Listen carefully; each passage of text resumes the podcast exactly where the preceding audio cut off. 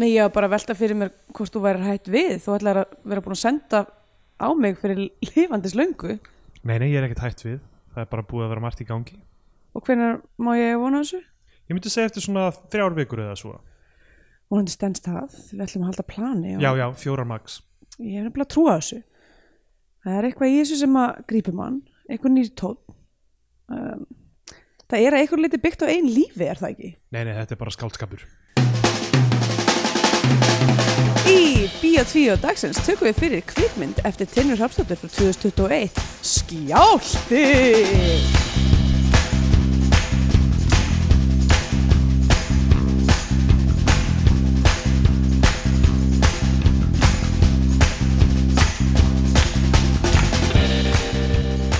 Já, komið heil og sæl og velkomin í Bíó 2 hlaðvarpið um íslenska kvikmyndir. Ég heiti Andrea og þú heit Steindór Góð dag og ég heiti Björk og þú heitir Gretar Vá. og ég heiti Andersdóttir og þú heitir Jónsson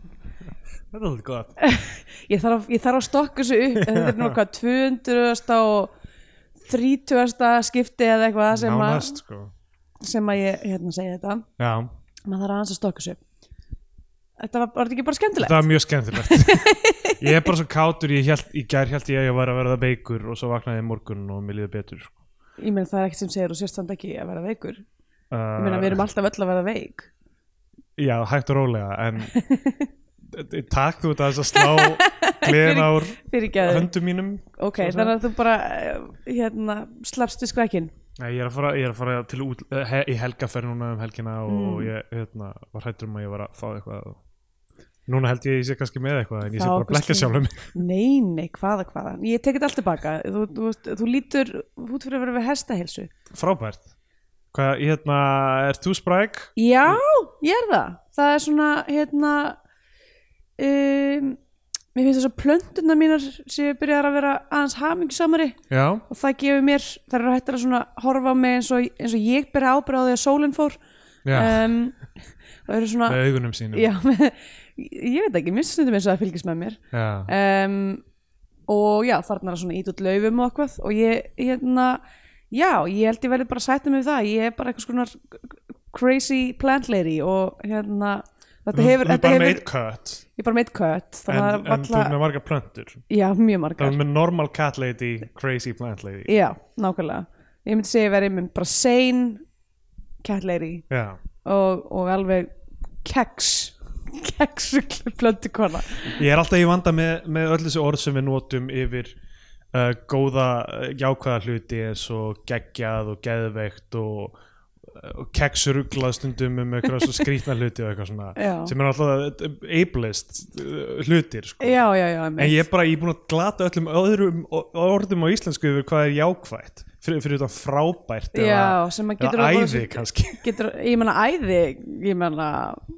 er það ekki líka lýsingar orðið yfir eitthvað sem að, eitthvað sem að gæti verið Já, æði, það er rétt, það er líka já, Þetta er ná- nánast allt snýrað einhverju maníu, allt sem er jákvæð bara, herðu þetta er aldrei maníst málverk hjá þér, frábært Og hvað það- já, að ég veit það ekki ég, eh, sko, Manískan morgun en ef það er jákvætt er það þá slör Við skulum ekki reyna að prófa okkur áfram með einhverja hugmyndir um en að ég veit það ekki, mér finnst sko, svo líka velti ég fyrir mér hvað hérna, hvaðan kemur keksparturinn Nákvæmlega. Eh, er eitthvað sérstaklega rugglaði Vera- vera- keks ég myndi segja að keks væri sko mi- af, af öllum svona uh, svona handsnökkunum uh, minnst Já. rugglað Er, er keks kannski eh, þú veist uh, Já, ég var að hugsa um að vera einhvern veginn að þetta rugglaði saman einhvern veginn, bl- nei það meikar ekki lengra sen sko. hvað rugglaði saman um? Æ, ég eh, bara eitthvað, þú veist, að að því að það er alltaf eitthvað munstur á þeim, þeim eh, keksmyndi eitthvað ákveðum. Nú er ég orðið manið, sko. Ég byrjar að segja eitthvað munstur í og keksi. ég meinar að segja eitthvað svona lindarmál í Já, keksinu það er leindamál í keksi. sko, já, ég veit ekki hvort það sé eitthvað lindarmál í keksinu en það er klárlega hérna það er náttúrulega leynast tákn víða Já,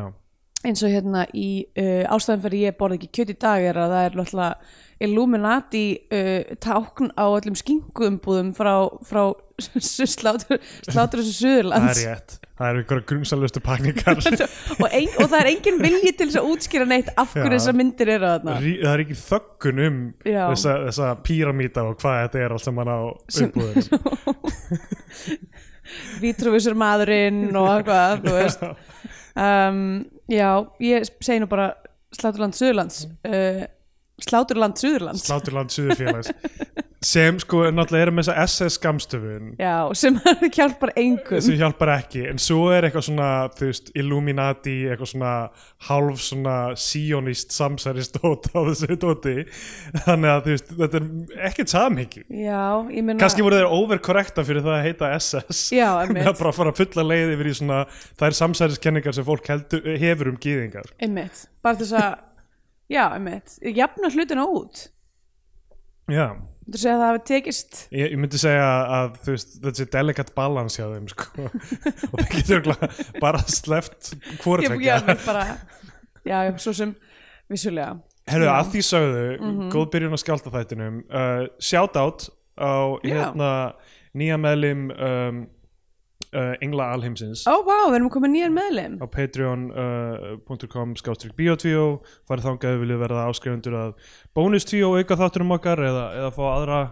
um, uh, að, annað góðgæti Já, Bara bónusa. eitthvað skemmtilegt dót, ég veit það ekki Jú, Já. jú, jú, jú það Ok, við er, erum ekki að selja þetta nei, nei, það er, mjög, það er miklu skemmtilegri þættir en þessir Já, þeir eru það reyndar Já. um, Harpa Hjartadóttir Harpa Harparís Norðursins Hjartadóttir Ég veit bara að því við þekkjum hörpu Ég veit hún hefði orðið ánægð með að fá blossa tengingu í nafnið hennar Já. En það er bara því miður ekkert, ekkert B.O.L Í nafn, hún var bara að breyta um nafn eða eitthvað SSI það, sorry Eða Harparís engin- Norðursins það er það sem hún fær Það er engin, það er engin tölustafir í nafnu Nákvæmlega, það er ekkert 8, ekkert 1, 0, 5 Já. eða 1 um, sem er eitthvað sem ég myndi ímynda mér að ég væri á SS pökkum eitthvað um, staðar, Já, potbjart dularfullir talnakóðar um, eh, Við ætlum að tala um skjálta í dag Já, skjálti er, ég veit ekki, ég held að vera, ég var búin að ákveða í hjarta mér að þetta væri eitthvað svona mynd um, um, Jarðskjálta um eða? jarðskjálta. Nei, Það gefur auga leið, íslensk bíómynd sem heitir skjálti. já um, sko, mér En langar kannski var ég líka að hugsa um, heitir hún ekki eitthvað, nei, hún, ok, núna veit ég hvað ég er að rugla.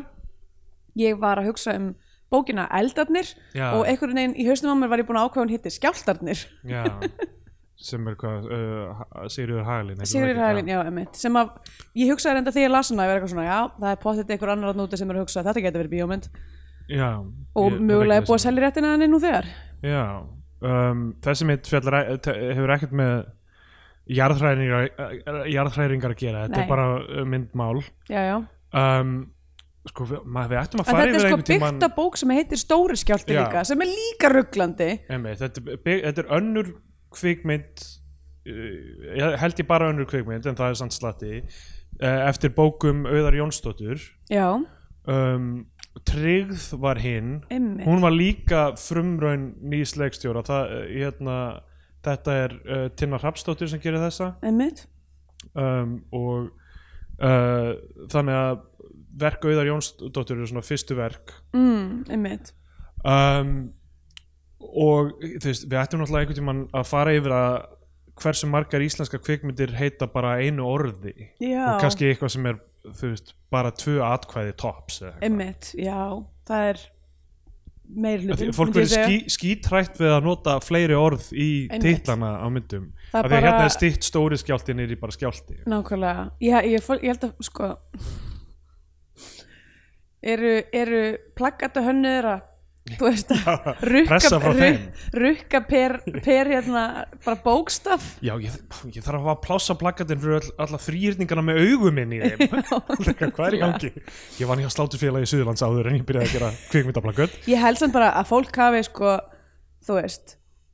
séð eins og skepnan deyr og verið bara, já við getum aldrei topað þetta við verðum Nei, bara að fara í eitthvað annað, annað dæmi Það er mögulega eitt besti, eitt besti titillinn Já. En núna þú veist, í Hollywood erum við með eitthvað svona Everything, Everywhere, All at Once Já, Nú en er ég meira- held að það sé skand að því þú veist, það hefur ekki verið líka í Hollywood meira þú veist,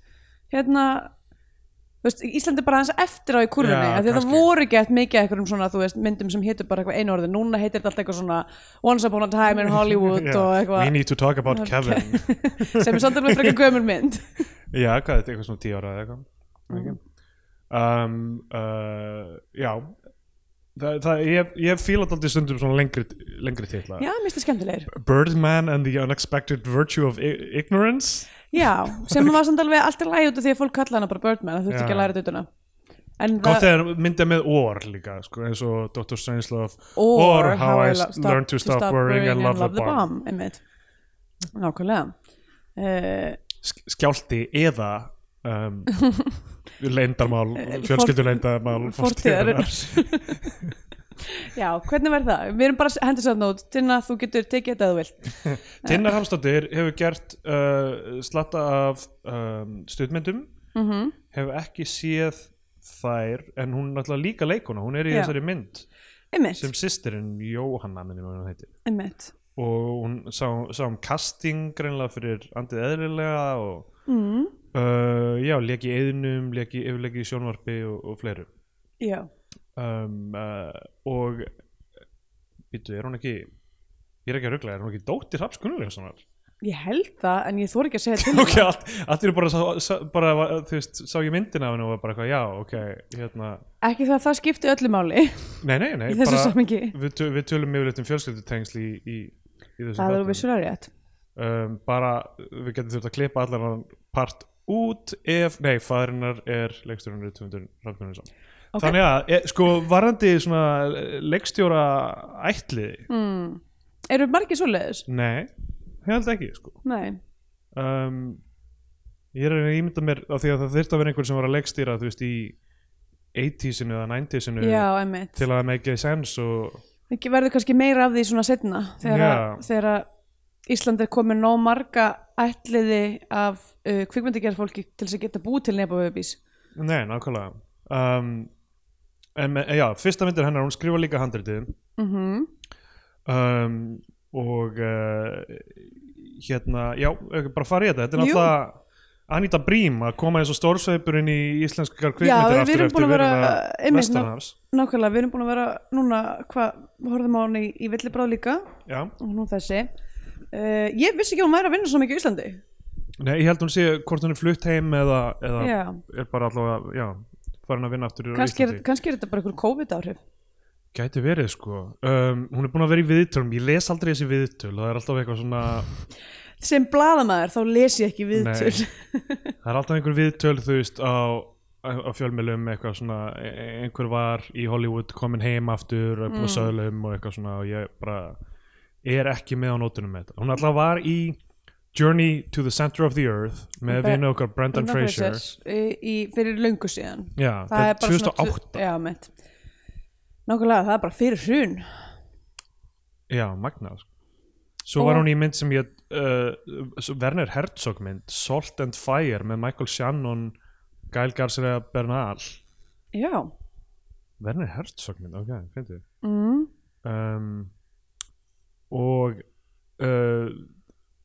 Dylan Dog Dead of Night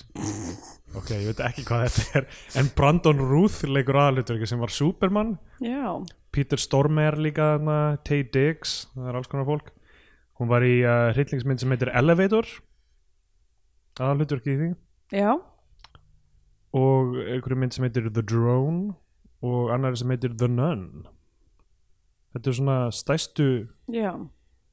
titlarnir að hann kemur á skjálta hérna mm. og svo var hann í Berdreimi núna hérna, sem er náttúrulega vegum eftir að fjallum já, einmitt um, og uh, já, já, hún, hérna, hún leikur þarna konu, við byrjum uh, á samtalinu sem við fórum með í, í byrjun einmitt ok, hún leikur rithöfund já, og er að tala við hérna, útgefundan sinn já, og mér finnst það eitthvað svo- ég er eitthvað svona oh my god, hvað er mér að skrifa á þessu að því að síðan er hún spurð hvort að bókin sem hún er að skrifa sé um hana og hún segir nei og þetta er núna, núna er að harfa bíómynd uh, sem er handrit eftir konu sem er byggð á bók eftir konu Já. sem er og, og bókin og handritið er um konu sem er rithöfundur líka já, já, já. og líka Tilna Hrafstóttir af því ég flett, fann, upp, fann eitthvað viðtal uh, við hana um þessa mynd þá sagði hún að þegar hún hefði lesið bókina og hugsað þetta er eins og þetta séu um mig Þetta er alveg en auður nokkuð tekur lögulegt. fyrir Eh, það Ha, Já, já, já, já, auður eitthvað, ég var actually að skrifa um Tilna Hrafstóttir ógæslega skrítið, hún skildi síðan byggði um að fá að leggstýra þessu Skrifandi. sko ef, ég, ég veit ekki ef, ef, ef, ef, ef, ef að karakter í bók er rithöfundur og segir nei þessi saga sem að ég skrifaði í bókinni er ekki um mig er það ekki rithöfundurinn að segja ekki fara að lesa of mikið í þetta Já, er mitt ekki fara að skoða ættatrið mitt neitt Ég verð svo hrættur með þetta allt saman núna í því sem ég er að skrifa er að, að hérna þú veist að ég er alltaf bara að sk- deila með bekknum í Já, náminu já, sem ég er í eitthvað að þú veist, allt sem ég seti inn sem er eitthvað svona sniðugt eitthvað, að þau, að þau séu eitthvað, já, þetta er eitthvað sem, hann er búin að gera sem já, já, sniðugt að, að whatever, eitthvað svona þú veist, eitthvað, eitthvað svona idiosynkrat- idiosyncrasies hvað sem er, eitthvað svona einhver hegðun eða Já, eitthvað, Hann segir, já. þetta er eitthvað konan hann sem gerir þetta eða eitthvað, já, ég meina, ég meina write what you know nákvæmlega um, ok, allavega en hún sem sagt er þarna að reyna að ströggla við að klára Já. skáldsögu hún er með ritstíplu það er svo Já. sem hérna er, þetta er ekki mynd um ritstíplu ég held hún myndi vera það Já. en, en hún segir að hún er með ritstíplu og, og eftir hún er búin að eh, tala þarna við hennan uh, útgefanda sinn þá, þá kemur svona rosalegt drónaskot af henni og, og sininum Já. drónaskot eru þetta aldrei stefi þessu, eins og í eiginlega öllum íslenskum myndum síðustu Sko, svona fimm ára já,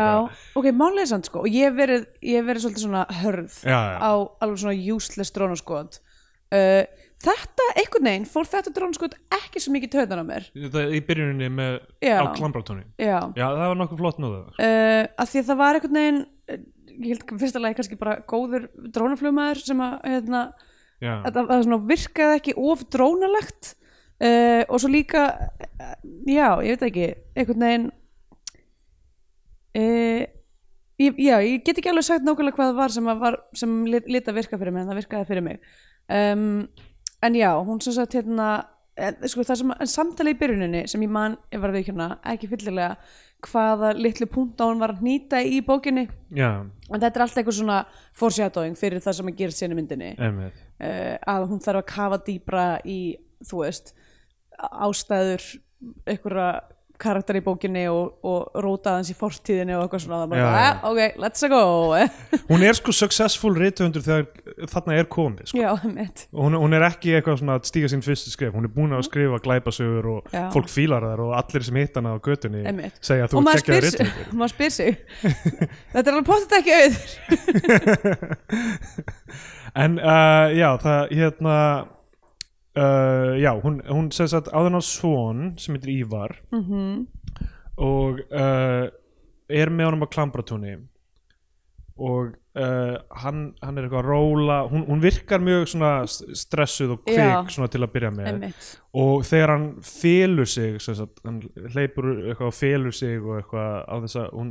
sjái Já. meðan hún er upptekinn í símanum þá bara panikar hún, hún fær flogakast -hmm. og vaknar við það að Steppi Jóns er eitthvað einhver útgangsmaður Já, sem er eitthvað að hrista hana til eða sko hann felur sig og hún er svona augað á henni byrjaði einhvern veginn að titra og svo hjólar einhver hjólamaður framhjá og svona, Já. svona hérna, hún panikar eitthvað og þá bara fer hún í, í flók Einmitt. uh, já, og vaknar aftur upp úr flóinu til þess að f- finna og hleypur bara eitthvað inn í á Kjarvalsstaði, kjærvalstaði já. til þess að- til þess að sem finna er eitthvað svona, eitthvað svona móttæka eitthvað, einmitt eitthvað fín listasýningu og hún er eitthvað barnið mitt og allir eitthvað "Hö, við erum nú bara að Hvað? drekka vín og horfa hérna á hvað er, er þetta, postmóderníska list er þetta, er þetta rithöfundurinn eh, Já, nákvæmlega, það veit allir, ég fatt það ekki, náttúrulega veit allir hver hún já. er veit það. Eh, ég meina örgulega allir á kjærvalstöð Já, nákvæmlega Það er mjög fyndið að enginn hafi bara þekkt hana það verið bara eitthvað, hei, þetta er, allavega þekkjandi íslensk listalíf og þá er það eiginlega þetta er þú Saga Gunnarsdóttir rithöndir sem, Já, bara, sem er alltaf í sömu rauðu kápunni sem, já um, En ég veit ekki, sömur rithöndar eru nú eitthvað svona recluses og f- fara aldrei úr húsi kannski og já, mingla aldrei, en samt Einmitt.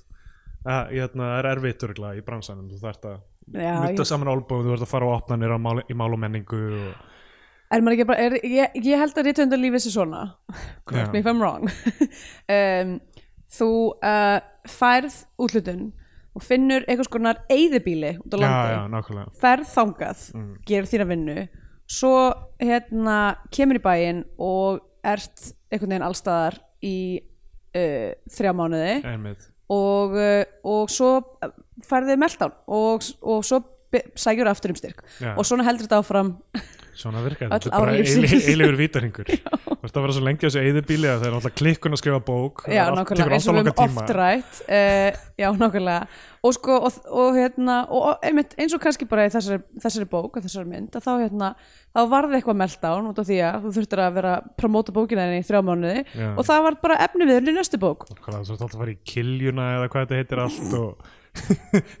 hvað er þér líka persónulega illa við, þú veist, Egil Helgason eða eitthvað, ef þú ert ég eitthvað bíf held við að hann, ertu þá sérstu bara fluttur til Þýskaland sko. um, þeir eru einhvern tíma lent saman við Egil Helgason að þarna, hvað heitir það, kaffifélagi þarna í skólaöfurustíg oh my god, já, þarna- þessum gárungarnir eru gárungandi hitast hverju meinasta móti gæti ekki ímyndum neitt, neitt verra en að fara þá geta þeir ekki stopnað einhvern Facebook-hóp eða Ég segi eitthvað, það, hvernig þeir eru alltaf að þeir hitast vera- í einn persónu Við ætlum persónulega að gera það mjög snemma mótnana þannig að þú veist já, já. Uh, allavega, þá hérna um, hún, uh, já, er, verður ringluð hún, hún ranka við sér á spítaranum Edda Björgvinsdóttir er mamma hennar Já, og, uh, uh, og Siggi Sigurjóns er læknir hennar já þetta einmitt. eru bæði amma Hófi og afinn eru að hlúa henni Ok, þarna það var eftir- ein, sko, náttúrulega eh, Þið sem hafi hlustað á all, allt bíó- Bíó2 vitið hérna hvað hugi Björnlands sigga uh, hann er uppáhalds Uh, ég upplifði mjög mikið með hvað hann var að gera með hann, með hann lækni að hann hefur verið eitthvað inn og út á spítala út af einhverjum ástæðum af því að ég var bara eitthvað, þetta hlýtur að vera eitthvað mjög ákveðin já, já, læknir já. Hann, já, hann er að gera eitthvað mjög specifík fyrir þetta hlutverk sem Já. ég er mjög kátur með sem að ég var gett ána með Já, en þetta eru náttúrulega bara tvær senur og ekkert sem þú veist, að þetta hefði getað verið hver sem er En þannig það er séð, sko. eitthvað við bara eitthvað talandan sem er bara, ég er bara svona, vá, hann hefur bara virkilega farið að stúta einhvern einn mann fyrir, þú veist, pínlítið hlutverk þess að hugsaði bara, Svo hann er eitthvað, rauglega fuck, bara sóaði ég þessu í þessar tvær senur í- í ég einhverri segi mynd. það þetta hefði geta verið bara, Heil mynd sem heitir bara eitthvað læknirinn ég segi það, læknirinn, læknir Tve, Já, tvö atkvæði, læknir já, einmitt, uh, ef það væri læknirinn þá var það gamamynd Sko, þa þa það sem er, það er rétt Ef greinir er fyrir aftan Mhm. nafnórið, þá er það gaman já, um, Sko, eh, þetta er erfitt með Ísland af því að þú veist, það er bara x margir leikarar og auðvitað þú ert að gera þína mynd viltu nota sem, sem þú veist besta og frægasta en sko í, í, í mörgum svona erlendum myndum þá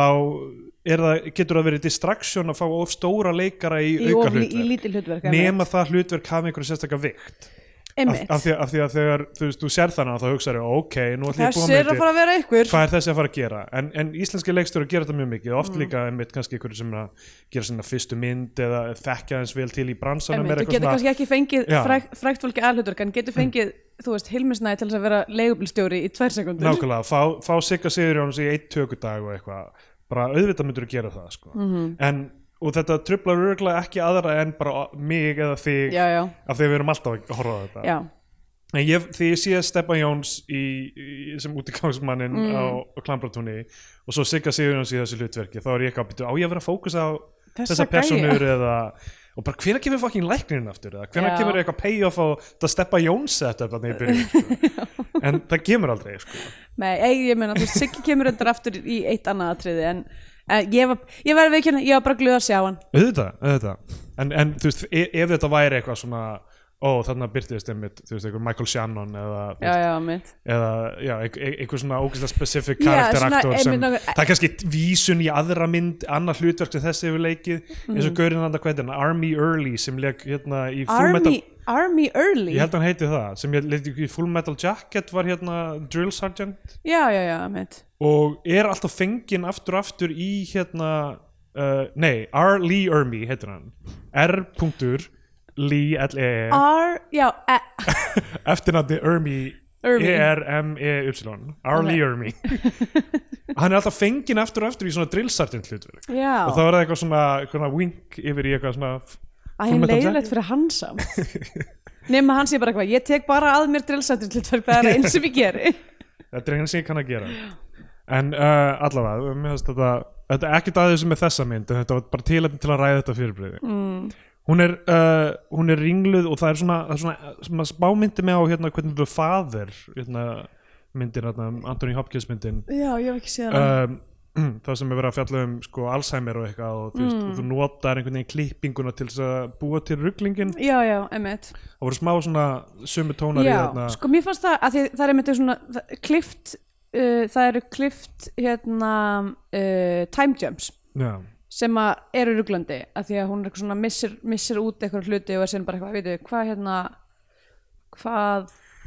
hvað, akkur er þessi hjúka að sækja mig eitthvað já, hún- við vorum að tala um þetta rétt á hann eitthvað, "Á, okay. og við sjáum ekki heldur þau samtölu þannig að við erum mjög bruglu, Já. sem var næs sem við varst miklu, miklu, miklu meira næs heldur en setna þegar það er eitthvað svona minningar eru að koma upp já, og það- þá eitthvað svona Við getum alltaf talað um það, það er náttúrulega Eitthvað- öll triksin í bókinni hérna, það er hjartsláttar hljóð, Já. það er svona hátíðni suð, með eh, gömul tónlist í já, fjarska svona, já, með, með, með sterku svona reverbi, einhver Já. svona gömul vögguvísur og einmitt. einhver svona gamlir slagarar og eitthvað svona, Einmitt. þetta, þú veist, þetta er ekki beint er ekki- frumlegustu nei, nei, tólinn nei, til þess að einmitt. sína þetta dót. en þú veist, já, en mér, en mér fannst þetta, einmitt, þetta minnisleysi stæðan í byrjunum, ég fannst það alveg virka af því Já. það var ruglandi En það, en- en, það, það, það er hverfur. svo hverfur það bara eh, einmitt, þeirra álýður Já, því að ég nefnilega sko held að við verum að fara inn í kannski aðeins svona formalísk djarfari mynd þarna þegar það byrjar og ég Mm. hugsaði að þú veist ok, hvað ef þetta er bara eitthvað svona sálræn, eitthvað deconstruction á þessari mannesku og, og við erum bara með henni í að verða rugglaður og rugglaðari Já. en við erum eiginlega með henni í að verða ná utan um hlutina betur og betur já, já, einmitt og þá er, þú veist, af því að sagan er þannig þá náttúrulega meikar ekki sens að halda áfram Mm. með já, þeim hætti einmitt, einmitt. en, en það, það var svona ákveðin ég er svona, já ok, þetta er að fara að verða bara við erum að fara að sjá mannesku leysa þessa hluti og, og Já. ég er svona, ok, þá, Að líka- þá horfum við bara að það gerast já, já, einmitt að líka sko, ég veit ekki eh, hefði kannski alveg mátt svona berið að líta aðeins lengur af því að síðan er tónlistin bara svo ótrúlega hérna, já, tónlistin er mjög bara svona hérna dæmigerð einhvern veginn. já, eða bara svona mata ofan í mann tilfinningarna sem er á að vera að finna Já. Æ, ég veit að segja, já, það er þú veist, þetta er náttúrulega aftur eitthvað sem við tölum um með sem svo margar myndir uh, er, er þú veist, hversu hérna, hversu lítil hugsun er bak við, þú veist Ég, ég, já, ok, ég, hérna, ég, ok, ég veit ekki alveg hvernig að segja þetta en ok, Mm. tónlistin er eitt, það er ok við erum með sömu kannski stef við erum með sömu hljóðfæri mjög mikið og, Mhm. og hérna sömu kannski og, og þú veist, saman með persónunar þá oft klæða sig s- svipa finnst mér, Ég finnst- ok, ég er að rífast um allar íslenska kveikmyndi núna, ósangjart gafkvæm skjálta og öllum sem koma að henni Já. en, en mér finnst svo mikið af aðalpersonum líka og hvernig fólk hegða sér og talar í íslensku kvikmyndum vera svona, herðu, hérna er dæmigerð íslensk manneskja sem þið þekkið öll Já. og þið tengið við þið getið, ná- þið getið áttað ykkur þið Við erum, þekkið við, við erum örugglega- ef þið við er ekki- öll á Íslandi rithöndar Já, ef þið er ekki sjálf þessi manneskja þá þekki hann öruglega Já, en það er svo lítið af aðalpersonum og svona central personum í íslensku myndum sem eru svona uh, mjög specific og, eða skrýtnar eða, Mm. eða þessi manneskja talar öðruvísi en annað fólk eða klæðir sig öðruvísi en annað fólk eða, eða hérna þú veist, hegðar sér öðruvísi en annað fólk mm. þannig að við, við, við erum alltaf að sækja í rosalega mikið re- relatability eða með aðalpersonum Já. sem er svolítið líka það bara einhvern veginn volga miðjan í rauninni sko. og ég er ekki að segja að það er fullt af myndum sem eru með rel- relatable aðalpersonu sem ég tengi við sko. Mm. en þe- þetta er þú veist, þegar þetta blanda saman við uh, relatable tónlistina og þú veist, relatable kvikmyndateknina Mhm. Já, já. þá, þá er erfitt að brjóta uh, uh, út og gera eitthvað alveg nýtt sko. Já, já, en aftur rosa hvernig, hvernig þetta er gert hann í byrjumyndarinn ekki, Já. Mhm. ekki spurninga um flott sko. hún, Og, já. hún er send heim hún er, það er, við, við, við veit ekkert hvað hann er, það er eitthvað flók það er ekkert sagt nákvæmlega hvað Já, þetta er, hún, hún er á fer einhver, í- einhverjum óskilgrundu pillum einmitt, já, hún er á einhverjum pillum sem er vantanlega að hjálpa með flóin hún fer í MRI, teknovélina eins og ég Já, kallar já. hana uh, einhvern tímann er miðbygg myndirinn fyrir hún að taka tvöfaldanskafta pillum Mhm. en það er eiginlega ekkert svona það leiðir ekki sérstaklega til neins eða,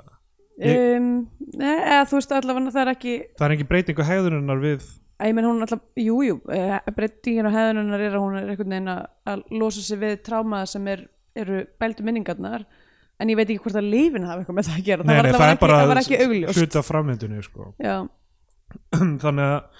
Já, það eru kynntir nokkri þræðir, þú veist, það er uh, ritstíplan, það er, þú veist, hver þessi veikindi eru, já, en þú veist, líklega er þetta bara, náttúrulega bara andlegt, sko, eins og hann segir að hún er að Mhm. Já. glíma við, eins og, eins og hann segir í einhverju senu, Siggi Sigur Jóns, eitthvað, þetta eru duldar minningar sem fólk veit ekki hvort eru tilbúningur raunverulegar eða, eða ekki emitt og, og að því að hún er að skilja við mannin sinna þá er það stressvaldur og eitthvað svona Já Mm. um, og hún, hún er líka að glíma við minnisleysi, hún man ekki þú veist, af hverju hún er að skila við hann í raun. já, emitt, og hún þorir ekki að segja þú veist s- láta í ljós hversu mikið hún er búin að gleyma því hún er hrættum að missa svon sinn Já, hún uh, þú veist, kemur heim, hún, hún veit ekki hvað íbúðin er, hún þarf að fara niður á dýrabjöld, skoða dýrabjölduna til þess að finna íbúðina Já. sem hún er í um, og, og, og setna finnur hún til dæmis í skúffu hjá sér, hún er búin að fylla út skjal um að fá fullt forræði yfir sininu sinum frá manninum, en hún veit ekki af hverju hún gerði það og man, man Mhm. Já, það ekki beint og man ekki að hún er að skilja við mannin sinn heldur. Já, maður er ekki heldur akkur hún að skilja við hann um, og það, mér, mér finnst þetta náttúrulega mjög spennandi staður til að vera með alpersonin í er, þú veist, þetta er svona smá eins og þú veist, eitthvað memento eða þú veist, einmitt, uh, margar aðra svona myndir sem snúa að þú veist, með svona- smá svona unreliable Já. aðalpersonu mm um, og uh, maður hennar kemur heim uh, Sveinn uh, Geirsson heitir hann það ekki leikur hann Mm. um, og, það, og það er eitthvað styrt á milli þeirra sko. já hún finnur blóm sem hún veit ekki frá hverjum eru já, og og hérna og bara og þó, svo er payoff að því setna allavega uh, já, hún er sérst bara smá bara eitthvað svona hökkuð og það, er, og það er allir í fjölskyldarinnar og það leiðilegi við hana já nefnilega það, þú veist, það er ekki mikil hlýja í, þú veist, það er ekki mikil svona eitthvað Eða, þú já, veist, mm. þetta er, sem, sem sko, ég hugsa oft sko, um, maður er náttúrulega ekki ef maður er í einhverju svona annarlegu ástandi þá veit maður ekki alveg, maður skinja rangt hvernig fólk er að vera við mann já, já, en ég hugsaði kannski að það væri hluti af því væri að hún er að skinja allt sem neikvæð neikvætt þegar Já. það er ekki svona neikvætt Einmitt. en það er síðan eiginlega ekki alveg raunin Nei, það er alveg, þau eru bara þau eru í alveg bara svona, þú veist, koma fram við hann eins og hans í batn og hérna og eru ekki að sýnin eitthvað voðalega mikla samúð með að, þú veist, hvað gerðist Nei, Eru nefnilega ekki. meira bara eitthvað svona, þú veist við verðum að bara- taka svona þinn já, við erum að taka, svo- þetta er það sem er gott fyrir þér núna er að við tökum að þið batnið þitt Emmett þú veist, eh, sem að, æði ekki, mér fannst það mjög skrítið uh, já, og uh, Jói Sig er pappi hennar og uh, hann er svona þú veist, smá svona jokester og svona, þú veist virðist Mhm. eitthvað vera svona góður vera afi og afi eitthvað. afakall, alltaf með eitthvað súpu sem hann er alltaf að gera já og svo er sýstir hennar sem Tinna leikur sjálf og hú- hún var líka að ganga í gegnum eitthvað skilnað en það er ekkert sérstætt payoff á því er það Já, jú, eða það er svona, það er svona smá, þú veist, að því hún er segir að gæinn hafi flutt út og svo er hún alltaf eitthvað svona, herðu, hérna hann vill spjalla núna, er lægi stökku út eitthvað, Já. þú veist og svo í rauninni endan þá að því það er eitthvað lína þarna sem er eitthvað svona þú veist, að þess að spoila algjörlega endinum sem er eitthvað svona, þú veist þessi myndir á rúf eru, hérna- eru karlmenn þess virði að, þú veist, að elska, en þessi myndir svarar algjörlega já er það ekki jú 100% bara kallmenn eru frekar frábærir geggjaðir, þrátt fyrir allt Já. Þá Ei- bara eiginlega höldum við allir, svo áfram. meira sem þeir sem hafa gert hræðilega hluti eru frekar nettir líka sko. Já, emmitt. Skringilega þá er það niðurstæðin í sinni mynd sem að ég veit ekki alveg hvað mér finnst um. en hérna En að því í endan þá, þá segir hún eitthvað svona farðu til hans. Eitthvað já, einmitt. svona rétt eftir að það er búið að koma í ljós að fadir þeirra er já, já. skrímsli. Erum við- já, já, ok, sko, þessi myndi er á rúf hérna á uh, sarpinum eða hvað þetta heitir hjá þeim Já, þanga til út mánuðin eða eitthvað út, já, já, ok. um, þa- þetta er nefnilega mjög áhugavert af því að þú veist þegar af því ég skrifa hjá mér punkta því ég horfa á þetta og síðan þú veist man ég ekki alveg hvað ég skrifaði og ég- og ég er eitthvað svona já þetta, þetta er greinlega eitthvað sem ég held að yrði þráður þannig ég notar það hjá mér Mm. ok. okay. síðan, síðan er það ekkert mjög stert í þessu sko Sem er hvað? sem er til dæmis þetta með, með mann, mann sýsturinnar og eitthvað þannig, Já, ég myndi meira segja að það væri bara eitthvað svona þema, Já. thematíst svona sprinkle sko. Einmitt. heldur en, sko s- strákurinn sonurinnar er með eitthvað svona óutskýrðan hósta já, sem ég þekki vel að því að Kristjana var með óutskýrðan hósta sem hætti í COVID ok, spooky. svo skrýð bara, ok, lockdownið hún, þú veist, hún, og þetta svona kom og fór alltaf kannski svona þryggja manna fresti fekk hún bara hósta sem varði í bara viku eða tvær bara alla nætur bara hóstandi bara non-stop ég man þetta vel og svo í COVID þá fekk hún ekki hennan hósta lengur ok, ég hugsaðum, ok, þetta er trigger eða af einhverjum umgangspestum eða eitthvað þannig en svo eftir, eftir allt opnaði aftur þá kemur hann ekki aftur þessi hósti sko. ég s- segi nú bara eins og ég byrjun þáttarins ég minna, maður veit aldrei maður verður glaftu veik á einhvern tímhóndi Fucking slátufélagi ber ábyrða Já. þessu það er með að ánga sína allstaðar ok, by the way ég trúi ekki á einhverjar samsæriskenningar um svona bara að segja það um, ég Ok. veit ekki hvað slátufélaginu finnst nei um, Um, sláturfélagi er búið að vera að veikja kæristuna þina öll þessi ár einhvern veginn actually k- k- COVID-19 var eh, slapp út úr tilraunastofu slátufélag Suðurlands fucking, su- fucking selfos maður um, sko um, sem sagt uh, hérna, hún fer og sækir strákir sinn í skólan Já. hann er, hann er ekki spenntur að hita Sem hana, sagt- hann er rosa kaldur í fyrirluta myndarinnar þá er hérna uh, þá er bara svona þá er svolítið svona uh, gefið til kynna að Edda Björgvins sé eitthvað vond já, um, og að því þú veist hún einhvern veginn virðist hún og þú veist, mammenar og fyrirhundi maðurinnar virðist bara svona einhlega taka ákvarðanir já, án þess að spurja hana um barnið og sem er eðlilega bara mjög skrítið þú veist að, að það, þú veist, ég, ég, ég skil að hún sé reið já, já. og ákveða bara eitthvað svona, herru, ég ætla bara að fara í skólan og sækja barnið mitt, af því að ég er með forræði yfir, þú veist, ég er með hálft forræði yfir þessu barni og þú veist, Einmitt. bara eitthvað, hún verður já, og ég, ég, ég skil það líka í samhengi við það ef við erum að fá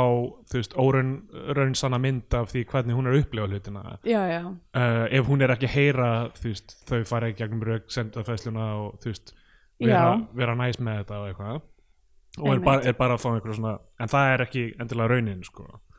nei, nei, ekki, nei, alls ekki Þannig en, að- en sko, af enga því að síður auðvitað á barnið ekki að vera hjá henni meðan hún er bara þú veist, inn og út úr meðvitund eins og, eins og maður er að skinja hana þarna. já, já, sem er alveg rétt, sko Í- á sama tíma myndi ég samt segja að m-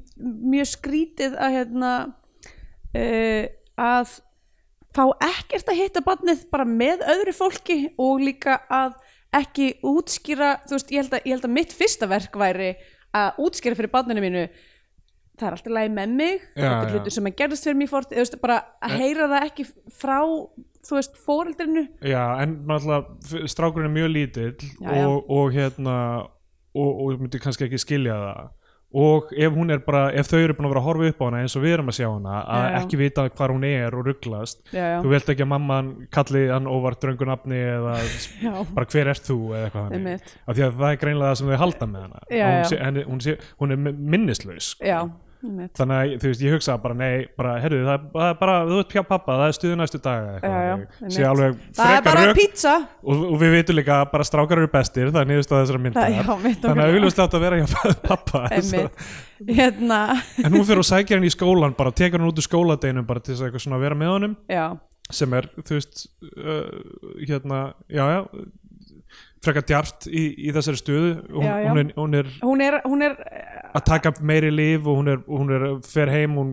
byrjar reynir að elda og kviknar í og já, hún er alveg hökkuð sko hen- hendir reikskinir í, Einmitt, í og, og klósitið allt sem að þau segja en að gera please ekki eins og að keira bíl er hún, er hún síðan bara eitthvað, ég ætla samt að gera það já, já, já. uh, Já, hún hefur ekki kraftinn til að lifta honum heldur Já. sko. hún er alveg bara þú veist, aldrei svona illa, illa farin sko. einmitt og, og svo kemur pappinn eitthvað og, og sér bara að það er allt í rústi og, og, og tekur strákina aftur sko. já, um, en, en, en svo er farið að tala um þarna, hvað, hvað hún var líka minnislaus þegar hún var ung já, og þetta sko er Pa- hlutur sem að hafði aldrei gerst á meðan að þau voru saman já, uh, sérst, þetta, fló, hún hafði ekki fengið flóg í ykkur 12 ára eða eitthvað já, en hún hafði þá fengið flók þegar hún var þegar hún ung eða Já. eitthvað. okay. Sko það er, ég, hérna til dæmis, um, var með barnaflóðveiki Já. sem er hlutur sem að getur bara, hérna, uh, einhvern veginn vaksi af manni. það Uh, er rjátlast að þér með tímann. Rjáttlast af mér, já. þessi flók Eða, þú veist, en sko, sem að var bara eitthvað sem ég var með þegar ég var lítil, pínlítil, og svo e, e, þegar ég var, hérna, mm, þrett, hvort ég var því, og ég held ég var 13 ára, að þá, eitthvað tíma, þegar ég var í, e, ég var í smíðatíma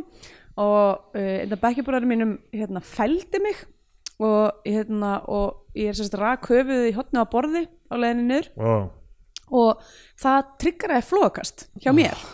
Æðilegt. sem að, þú veist, hafði ekki gerst síðan ég var bann þú veist, og ég veit ekki hvort að þetta sé keisið hjá henni, hvort hún hafi verið lengi með flog eða hvort þetta sé svona öðruvísi dæmi en það var allavega var síðan bara eitthvað og ég var sendið, þú veist, alla heila skanna og allt bara eitthvað, þú veist já, já, hérna um, og þú veist kom á daginn ég, var ekki með, ég er ekki með flógaveiki svo best sem ég veit uh, en, en þetta var bara eitthvað svona freak uh, svona þú veist um, bara svona, já, já. eitt flógakast sem ég fekk um, það er ónulegt sko já, og þú veist, mér, like, þessi viðfangsendin alltaf sem þessi myndir að díla við er mjög áhugaverð alltaf þessar duldu minningar og, mitt og þetta allt saman og þú veist, og náttúrulega rosa gaslýsing í Það var þessari mynd einhver rosalegasta gaslýsing og Hérna, svo náttúrulega sko það sem er áhugaverðast við þetta flókast hjá mér er að eftir flókastið að þá byrja ég að sjá tákn í öllum í öllum hérna Öllum ma- pulsunum þínum. Já, öllum pulsunum mínum um, hérna já, þetta er, þú veist, og ég náttúrulega hef mikið rekist á þetta í, í því sem ég hef skrifað um svona kynferðisbrotamál og eitthvað svona er, þú veist, er, Já. það er náttúrulega svo mikið af einhverjum legum og, og, og uh, vi- vi- sérstaklega þegar kemur að börnum og eitthvað svona þú veist, hversu, mi- og, og, þú veist, og það er eitthvað svona verið að segja fólki að eitthvað hafi ekki gerst sem raunlega gerðist já, eða, já, mitt, eða öfugt sko mitt. og þú veist, uh, erfitt að setja það þú veist, það er erfitt að gera þetta uh, í kveikmynd sko, af því að þú, þú hefur ekki innra líf manneskunar, þess vegna Nei. ertu að nota hluti eins og hjartslátt og suð og eitthvað svona mitt. uh, meðan þú ert alveg að vinna með eitthvað svona venjulega narratífa kveikmynd sko. þá, Já. þá hefur ekki, ekki tólin og ef þú ert að gera kveikmynd sérstaklega þú veist, og Íslandi þú ert að gera eitthvað sem á ná til breiðs árundahóps þá getur ekki bara brotið upp formið til að tjá þessa hluti með einhverjum abstrakt hætti sko. ég meina, þú getur þú það getur gert það og leikstur að hafa gert það Já, já. en þetta gerist ekki lengur nei, mitt það er allt svo literal já, já, mitt, og, það, og þú veist, þess vegna hugsa ég þú veist, svona hlutir eins og bara eitthvað duldar minningar þú veist, bara all power to you að reyna að koma því fram þú veist, í einhverju kvikmynd sem á nóti breiðshóps en, en ég held að for, þú veist, form verður að fylgja function eiginlega, þú gerir það sko. já, þú verður einhvern veginn að finna leið til að tjá það með tólum kvikmyndagerðarinnar frekar en eins og þetta þetta er bók, skilur, þetta er byggt Já, já. á literatúr sko mitt og þú getur tjáð það með literatúr en það er ekki hægt að gera það með narratífri kvikmynd mjög auðveldlega sko. já, eða þú veist, eða það er allavega það er challenge það er rosa challenge sko. og, og það, það er bara þú veist, já, eins og ég segi að reyna það er, það er, það er djarft og það er ennþá djarfar að reyna að gera það með einhverju abstrakt sko. já, um, en uh, hún sem sagt er búin að ná í hann hún er búin að uh, já, einmitt hérna f- f- hérna rúst öllu heimi á sér mhm Uh, það, það kom einhverjum svona minningar hún man eftir einhverjum uh, þú veist, eitthvað fullum að pissa í vaskinn og eitthvað sko, Já, þetta ok, er náttúrulega- hvenar, hvenar varst þú búin að fatta plottið? Af því að strax svo ég sá vögguna var ég eitthvað, ok, þetta er keisið, þetta er Já, what's, já. that's what's up. Af því hún fær eitthvað svona, hún er sérst með í íbúðinu sinni, er hún með rúm stráksinn síns, hliðan rúmunu sínu. já, já, Uh, og svo um nóttina, þá eitthvað svona, er hún í ykkur svepprofa og hérna, og þá er lítil svona bastvagga sem, Já, er, mjög, einmitt. sem er mjög svona 70s, eh, eða þú veist 80s eða eitthvað hérna, bast, þessar bastvöggur voru hérna, að trilla líðin Já. Eh, þannig að þá var ég bara eitthvað ok ok einmitt dálítið eftir þá sko Em. ég held ég að við fatta það tölvöld setna en vel fyrir revílið samt sko, Já. sko um, hérna, svo er sko náttúrulega nágrannar sem bergur eppi leikur herðu já, ok, ræðum aðeins það uh, fyrsta lagi, maðurinn hennar í myndinni heitir Bergur, já, þessast fyrirrandi maðurinn hennar og mér fannst mjög rugglandi að hingæin sem heitir eitthvað allt annað heit, öfst, leikarinn heitir Bergur ég var alltaf að byrja, Bergur nei, byrja, hann heitir ekki Bergur hann heitir ekki aftur, Bergur aftur erfitt sko og ekki neinum að kenna sem kemur að þessari Nei. mynd að bergeppa eða tinnu eða neitt aftur af því að þú þekkir bergeppa örgla meira sem bergureppi Bergureppi, fyrir einhverjum einmitt. hlutverkin sem hann leikur sko, Einmitt. af því að hann er þekktur úr og, tónlist og bókmentum og, og, Já. og, og uppistandi og, og náttúrulega leiklist núna líka Hmm. það, er, það er mjög erfitt þú veist, þetta væri eins og ef einhver persónu þarna héti Sveppi skilur og sveppi væri síðan bara eitthvað annar hlutverk nákvæmlega. Eh, uh, en já, allavega Bergur er, Bergur er bein nágrunna hann er alltaf að reyna að spila svartan afgan á Mér fannst það gítar mjög fyndið. það er mjög, mjög sætt sko, hann er alltaf með, með sitt svona, sinn talsöng sem hann er frægur fyrir sko. Já, um, uh, og hérna uh, hann, uh, hann er sem sagt er að tala við hann, hún er upp á svölum hann tala við hann er í garði já, og hún man ekki eftir síðast skipti sem þau hittust já, en það er svona daður þeirra á milli alltaf einmitt. og hann er einhvers konar svona leiðsugumæður eða einhver svona, Já, eitthvað þannig típa og hann kann á bíla og er eitthvað svona að hjálpa hvort hann er ekki eitthvað að gera við bíl í byrjunni eða eitthvað eða hjálpa ég einhverjum held, að sko, starta ég held bara að bíllinn hans sem hann eigi Já. er með eitthvað svona, einhverjum svona slöppum sta startara, nú er ég ekki með bílpróður ég, veit ekki, ég get ekki sagt þér hvaða hlutir í vél, allavega hann segir á einhverjum tímpúnt eitthvað svona að þegar það er kalt úti þá hérna, það er nú svolítið hérna, lengi, eða, mjög erfitt að starta honum og eitthvað svona, maður þarf að halda inni ég veit ekki, kúplingunni eða hvað sem, hvað sem það er Já, hérna um, en ég held að hann bara e, þetta var bara til þess að stablisa það að hann ætti þennan bíl uh, að því síðan setna fær hún hann lánaðan já, um, en já, það er eitthvað svona, þú veist, hann er eitthvað já, ég meina takk fyrir síðast og hún er eitthvað já, sko, eitt með þetta hún er alltaf svona, hún felur það mjög mikið fyrir fólki að hún hafi fengið flókast og hérna, já, já. og þú veist, og sé smá að vinna úr sínu dæmi þetta tengi ég ekki við ef að ég fengi fló, eða, þú veist, ef að ég get, ok hvort sem ég fengi flókast eða ekki, ef ég hefði möguleikan á afsökuninni ég fekk flókast, ég man ekki eftir þér af því ég er ógeðslega léleg að muna nöfna fólki já, já. þegar ég er á Íslandi og ég meina hérna líka bara whatever, þú veist ég er að vera verri í þessu sko. þá er ég bara svona, þú veist, að tala við ykkur fólk, þú veist, eftir kannski ég er búin að vera á, þú veist, að sína í leikhúsinu eða eitthvað a- og búin að vera að tala við þau gett lengi og veit ekkert hvað þau heita eða neitt þannig og ég bara eitthvað, Já. jæja, ok, hvernig get ég komið mér út úr þessu ef ég geti sagt bara eitthvað, sorry, ég fekk flókutægin og ég bara man ekki hver þú er þú ættir að tryggjara hjá þér einhvern veginn eh, flók Já, á með láta svona mig, mánaðar láta fresti, mig, bara til að- láta mig detta á okkur borðhótt bara til þess að sjá hvort ég geti verið Þetta með er sko svona góð fáran afsökun Ég var svo góður í þessu sem svona unglingur og barn og unglingur Ég myndi bara full nöfn á öllum Já, og, og þurfti bara að hafa séð það einu sinni þá gæti ég sett þú veist nafn með andlit og eitthvað þannig Vá. Ég held að Facebook hafi eðilegt þetta fyrir mér Hmm. af því að þá myndi ég nöfnin eftir að hafa séð þau á Facebook já, og tengdi því við andlit og svo hætti fólk að þú veist, nota Facebook Já. jafn mikið, fólk byrjaði að breyta nöfninu sínum á Facebook í bara eitthvað random dót sérstaklega hérna í, í Þýskalandi reynir fólk að hafa ekki sín eigin nöfn Einmitt. þetta er eitthvað skrýtnu útgáði og þá bara man ég ekki lengur hvað neitt heiti Nei, sama og, hér. svo, og svo núna að vera hættur að nota það þá hef ég ekki lengur tólin til þess að setja- læra, einmitt, einmitt og þú veist, ég þetta er fólk sem ég eða miklum tíma með stundum er ég bara eitthvað þú veist, að- að að vesenast með þú veist hvaða nafn sem byrjar á þessum bókstaf það er aftur Já, og ég mitt, bara eitthvað, er það raunverulega þetta Þú já, veist, þetta er, þetta er ekki gott þetta er nei, ég veit ekki það góð þróun hérna,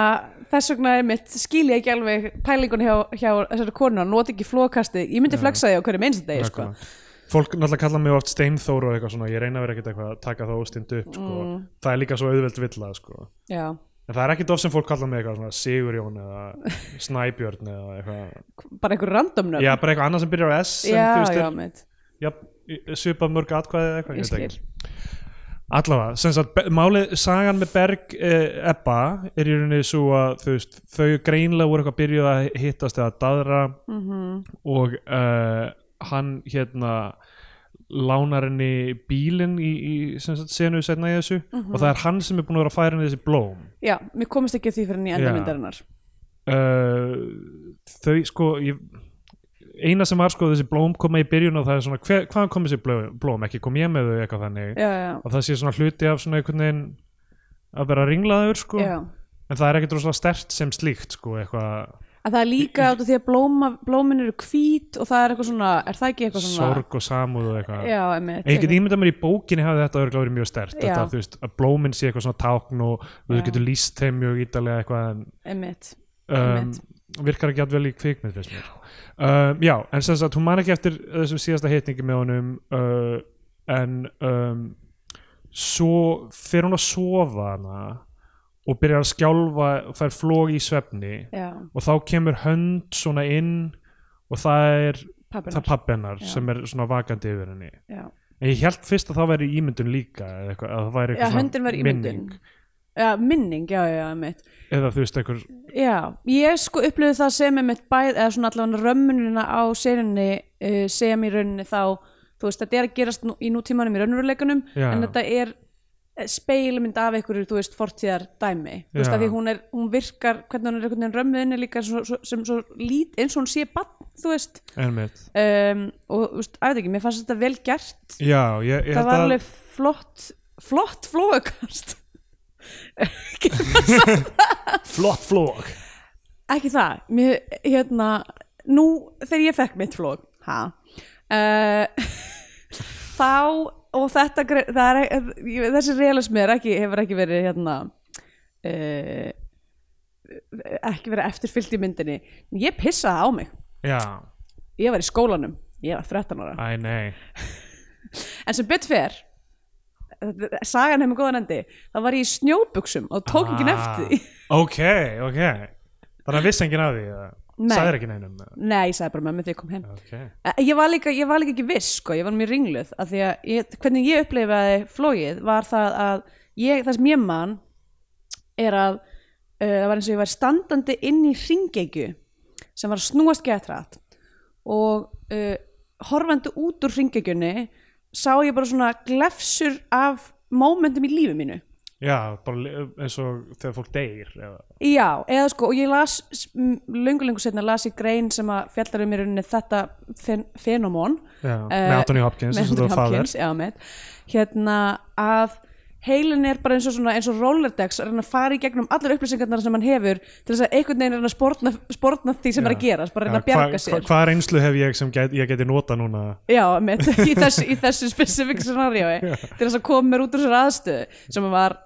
tönnsat, ekki neitt Já, já. en hérna, en já, sem sagt mér leiðin sem ég var hérna inn í þessar hringingju og svo man ég bara eftir að vera eitthvað svona, mm, er ég að pissa á mig og ég held sko að það hefði verið ímyndun Hmm. og ég fattaði ekki fyrir en ég kom heim og fór úr snjóbuksunum, eitthvað, að nei, það var Ah, Já, raunverulegt já, já. en það var það ekki alltaf svona gott og svona hugreistandi einhvern veginn að pissa á sig svona hlýtt og Hlýtt eitthvað svona þægilegt, losandi jú. það er bara Mér eins finnst og það ég ótrúlega hvað að við sem fólk almennt pissum ekki oftar á okkur sko. bara, bara svona upp á fjörið eða það. nei, nei, bara þú veist að það sé fle- fleiri hluti bara þú veist, eins og maður hlægir mjög mikið og pissar smá á sig eða Já. eitthvað hannig Ei, Ég meina, þú veist, talaði fyrir sjálflega það er fullt að konum að núti sem eru búin að egnast tvö bötum er alltaf að pissa á já, sig, nákvæmlega sko. en bara að þú veist, að sé ekki fleiri hlutir sem bara tryggjar að það að maður piss pissi á sig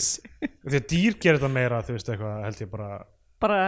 í stressi Þú og veist ekki eins og þess að geitur sem líður yfir þegar það vera hrættar og eitthvað svona Akkur, Akkur- akkur heyri ég ekki, þú veist, eitthvað svona einhver skellir ruslatunnu of harkalega og ég pissa á mig þú ert- þú ert að- þú ert að kalla eftir þessu, meira svona ég, er, ég er að kalla eftir þessu, skapar í vor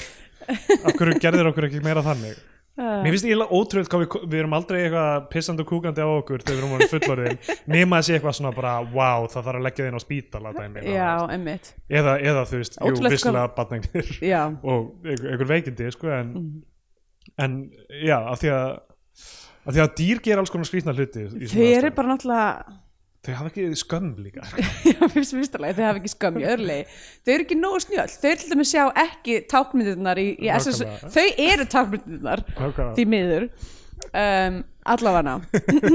pæ Emma Opperg SS pakka og það er bara eitthvað svona geit með þú veist, tíu horn og fimm augu Já, biblically, biblically accurate gate Hérna uh, Við vitum ekki hvort hún pissa á sig í þessari flóasinu eða ekki af Því Nei. að það var utan ramma En þegar, en þegar hún vaknar þá er sem sagt búið, eh, be, maðurinn hennar, Bergur, búin að koma og sagja strákinn hennar og strákurinn sá ekki sem sagt flóið Já, og var vaknaði sofandi. ekki við það. já, Þannig að þú veist, gott að hann sá ekki mömmu sinni. Þetta er það sem ég er að tala um að þú veist, já að börnin e, er að reyna að hlífa börninu fyrir. Svo sem Sem rétt. er svona alltaf, þú veist, síðan Ég sem sko, sagt traumatiseraði alla sem voru þarna í smíði á sínum tíma þú þarf að hlífa. henni. Hvað reyndar varstu að sko, gera? reynda sko það var uh, vinkona mín sem að stóð hliðin á mér hljóp fram að ganga og öskraði Andri er að deyja yfir allan, Oh shit. allan gangin var eitthvað, þú veist, í paniki uh, Það var hérna það var frækt þegar ég var í þegar ég var fyrst ári í MR að tvær bekkasýstur mínar voru að keira þú veist náttúrulega allir Nikonu með bílpróf þarna eða, eða hvort það var öðru ári ég maður ekki uh, en hérna allir Nikonu með bílpróf og þær voru að keira þarna yfir brúna á skothúsveginum Já. við tjörnina og beigðu einhvern veginn úti eða, eða bíllinn rann og þær keirðu úti í, í, Í út í tjörn tjörnina? sko. Ó, shit. og þetta er alveg komið í fréttum og allt saman og sagan sagði sem sagt að önnur þeirra hefði þegar þegar bíllinn var að svona fljú úti eða renna úti í, hefði hún hrópað Nú deyjum við! sem er svo gott svona líka nota sagnina í nútíð Já, nú deyjum við Nú deyjum við það, Jetzt sterben wir Það já, það er mjög fyndið Já. Ég veit ekki hvort ég myndi hafa svona wherewithal til þess Nei, að nákvæmlega, orða vera með þetta eitthvað svona svona. fleiga línu bara, þetta, þetta er náttúrulega þe- ég, ég, hef ég ekki talað um það þegar við vorum hérna, með improv-hópunum á Íslandi og fórum uh, í hérna Reykjadal þarna í Jú, einmitt, og Laugardal. þið festust upp á fjalli ég, þú veist við, við, kerði, það var svona, það er svona uh, shortcut til að komast þangað Já, fyrir það Mm. sem nenni ekki að labba 8 km Já, og, og ég hef kert hann oft en ég er náttúrulega pælt ekki í því að mamma var búin að skipta um bíl og ég var ekki lengur á, eh, þú veist, Já. almennlegum eitthvað svona beinskiptum bíl heldur á hybrid og Ah. að það var, þú veist, miður vetur en ekki sumar eins og venjulega Já. þannig að við kerðum þetta, fórum í laugina og svo á leiðin tilbaka vorum við bara föst í klaka, bara Já. sólin hafði brætt einhvern veginn, Já. einhver, einhver asalák Það og var- bílinn var bara fastur Já, þannig að við þurftum að ringja í vin okkar allavegar sem býr í hveragerði hann þekkti einhvern mann sem átti bíl þar með þú veist uh, hvað heitir hérna aftan á uh, krók krók eða whatever og sem byrja, fór að draga okkur sko. Já. og það þurfti marga tilhörunum til að draga okkur þetta voru alltaf, ég var bara með einhverjum útlendingum sem bara höfðu aldrei síðan eitt þessu líkt Já, Þú voru veist, bara ég var bara, já, stressaður en þau voru að fríka út sko. Já, þau voru bara, já, við erum að fara að deyja á þessu fjalli eitthvað Og- svona, já, nákvæmlega, og e- þau- ekki, ekki eitthvað svona, kannski ekki alveg með það í huga þetta er bókstæðlega svona korter frá höfbrukarsvæðinu Já, nákvæmlega, og þú veist, í vestafalli hefðu við þú veist, skilið bílinn eftir einhver hefði komið og sótt okkur og Já, gert já. okkur, þú veist, ég var með það allt, ég hefði örgulega gert, geta gert betur í að útskýra þetta allt já, saman, já, mitt fara með þeim í gegnum all, le, Þau alla voru bara leiðina til eitthvað, að já, þetta er bara a live situation, Já, já, já. hver verður jétin fyrst bjarga starfandi björgunasveitir sem, þú veist, ok, þetta hefði alltaf farið vel, en sko þegar hann að draga þennan litla hybridbíl yfir ísinn og klakan og svo niður einhverja brekku Mhm. og við vorum byrjuð að bara, þú veist, þetta var orðið eins og eitthvað svona brimbretti, við vorum bara að dúa svona í öldugangi snjósins einhvern veginn og þá, þá hrópar Trevor vinnur okkar You got it girl Nei, fyrir ekki, var það ekki you go car kannski var það það Nei, þetta- engin mann Engin mann nákvæmlega nákvæmlega hvað hvað gerðist hann sagði En við gerðum mjög mikið grínaði setna núna er ég mani ekki hvað er sannleikurinn af því að við, þá voru svo margir sem held að hann hefði sagt eitthvað get it girl kannski var, já, kannski var það you, go, you got it car en enginn getur sagt lengur af því að g- þú veist, Já, já, grínið Sagan er búin að taka yfir já, í raun- raunveruleikann, raunveruleikan sko. einmitt. þetta er þetta fake news sem við erum að glíma við alltaf sko. Já, mitt um, sko þarna vaknar uh, hún uh, Anita Brím og spyr sýstu sína, Jóhanna, hvað gekk á þegar við vorum litlar Já, spyr hvort pappi sinn hafi barið mömmu, uh, pappi þeirra hafi barið mömmu þeirra Mhm. hún fer og hittir vinkonur sínar, ég man ekki alveg hvað gerist í því atriði Já, sko, ég held að í byrjun, byrjunmyndarinnar hafi sem að sérst ger þarna á um, uh, rólónum áður en hún fer flók þá er hún að tala við einhvern í síman og ég var ekki alveg viss hvort að vera sýstir hennar eða þessi vinkona, ég held mjögulega þessi vinkona já. uh, og ég verð að segja eins og er, hún er leikin af hérna Kristínu Þóru Haraldsdóttir Já, einmitt. Önn, önnur svona sem er st með stórum hluturkum núna en Já. pingulit hluturk hérna Einmitt, en mér varst okkur gaman að sjá hana og honestly það hefði þe- þessi vinkonu alveg mátt gerast aðeins fyrra því að hún er svolítið svona, hún er svolítið lengi að keira sig í gangi sem mynd Já, sko náttúrulega stóra vandamáli með þessa mynd og allar aðrar myndir sem eh, er að glíma við uh, það sem karakter er að glíma við veikindi að þú ert, þú ert yfirleitt með alltaf svona passífa aðalpersonu Já, og, og ég er ekki einhver svona uh, screenwriting puristi sem vil að allar personur séu, að personur séu Díla við aktífar external hérna, eitthvað og að- að klíma við Konflikt. einhverja, einhverja maskulin heteronormatífa hýróstjörni þar sem þau þurfa að þú veist, fara út í heiminn og berja fullt af fólki það þau kemur aftur eða eitthvað Mhm. Það hefði reyndar hjálpað þessari mynd tölverdi ef hún hefði aðeins farið bara út að berja fólk. Já, nákvæmlega en, þa en, þa en, þa en þetta er samt alveg raunvöld vandamál að þú veist, Já. ef þú ert ekki með aktífa aðalpersonu þá er þess gott að sé eitthvað annað sem, Já. sem, hérna, sem þú ert að nota til þess að eða þú veist, hallir þig bara inn í boredom það er fullt af myndum sem gera það Einmitt. þú bara hallar þig inn í þessi mynd er bara boring og það er bara hluti að partur af Töfrabræðinu. dæminu, já, emmitt Eh. en, en þú veist, eða sérst, málið ástæðan fyrir ég, vil, ég hefði viljað sjá þetta atriði með vingurinn aðeins fyrir er að þ- þarna kom loksins manneskja sem að þú veist, skildi þú veist, hún var eitthvað svona, þú verður að hjálpa mér að muna Já, þú veist, sem að var sympathetisk gagvart þessu dæmi og ekki bara eitthvað svona, við ætlum að taka þið batnið og þú ert bíluð já, já þú veist, Af því að uh, þe- þetta er bara, þú veist, ég ö- öfunda ekki tinnu að að vera að reyna að finna út úr þessu, Nei, sko. nei. af því að þetta er svona balancing act, skilur, hversu mikið eigum við að vera með henni Mhm. í bara eitthvað, ég á móti, allir eru á móti mér ég, og ég er að missa vitið Mhm. og það er kannski verið að, eins og, eins og kemur í ljós í lokun, eh, lokin að það er búið að vera að ljúga henni já, já að, en, en hérna, þú veist, eða hversu mikið á að brjóta þið upp með, hérna er einn sem stendur með þér eða eitthvað, Já. af því að, þú veist, já, þetta er, ég, ég veit ekki hva, hvað er að rétt í þessu, Nei, nei, um, og hún eitthvað svona horfir í speil og snert svona lemur í speilin svona annað anna, mjög dæmigert dæmi til að sína innri Já, já. turmoil og allt það sko einmitt uh, og finnur líka hérna ljósmynda hún er að skoða eitthvað ljósmynda Mhm. bók Svo það er búið að Og taka það er út búið að fullt af- taka fullt af- já. fullt af myndum úr bókinni, annað svona dæmi og þú veist, og það á einhvern tímpóndi er talað um einhvern hund sem þau áttu já, svona hún er bara, það er bara svolítið langt stretch af henni að púsla saman hlutum já, já og ég veit ekki, þú veist, hvort, að- hvern, hvernig hvort þetta var skemmtilegt fyrir þig út af því að, út af því að þessi vagga kom svona snemma Já, þá já. var ég löngu búin að púsla þessu saman já, ég er náttúrulega ég bara einhvern veginn ég held ég hafi verið búin að sirka fatta hvað gerðist en ég man ekki alveg hvar það var en, en, en ég get ekki sagt að ég hafi verið eitthvað gýraður á þessum tímamúti af því að Já, af því að bara, mér, ég var ekkert rosalega forvitin um nákvæmlega hvert leyndamálið var af því að, þú veist, af því að, við Það viss, var- að því að þú það var vissir í alltaf- undirmyndundinni að þetta væri dött barn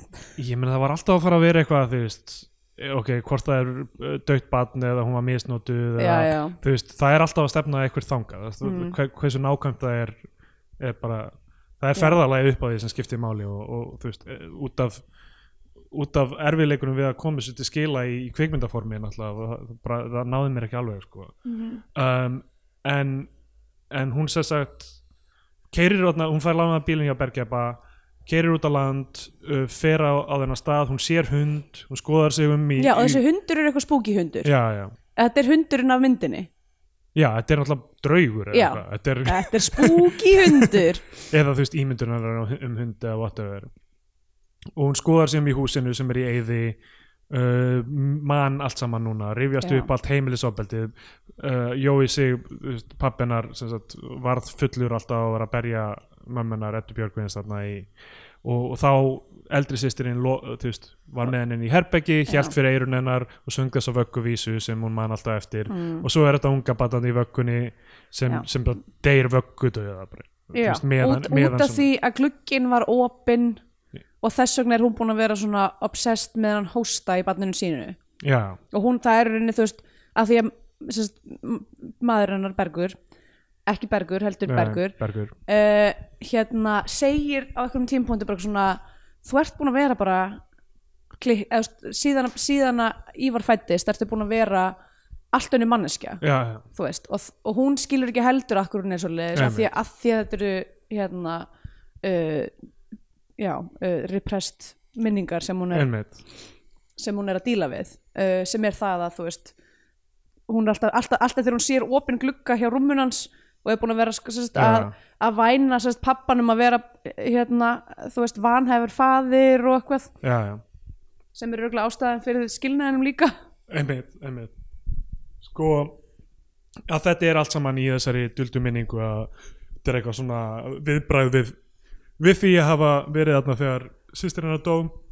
sorry, sýstir hennar Katrín sem dó í vöggunni Já. en, en en, enginn talar um hann lengur og hún hefur engar, engar sannanir fyrir hún hafi nokkuð tíma verið til ég meina ég myndi halda fyrst sinn sem þú flettir þér upp á Íslandingabók myndur myndur sjá, já, já, en, en að öðru leiti þá, hérna,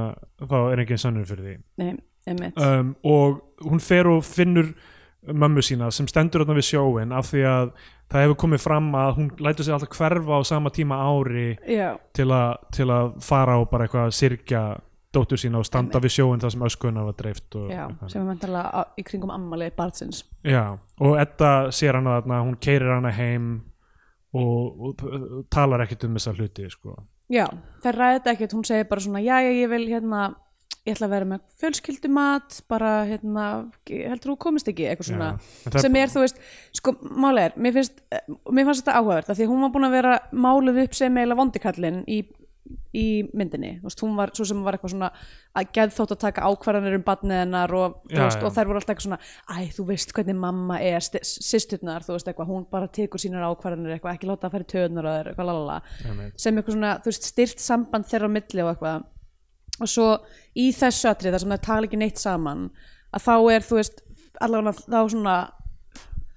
um, held ég að skilabóðan eru bara eitthvað, ok, maður sk- og, og að því að síðan er hún líka búin að vera að haga sér óksla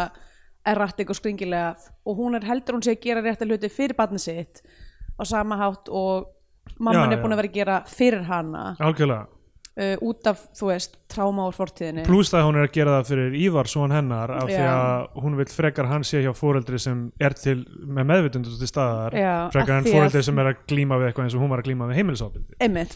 þannig að þetta, þetta er allt saman, þú veist, púslast mjög vel saman þú veist, í narratífum skilningi þannig séð sko. Já. um, og, og svo kemur hún heim og, og segir, þú veist, sýstu sinni þú veist, ég fann mömmu, það ta tala um þetta þú veist,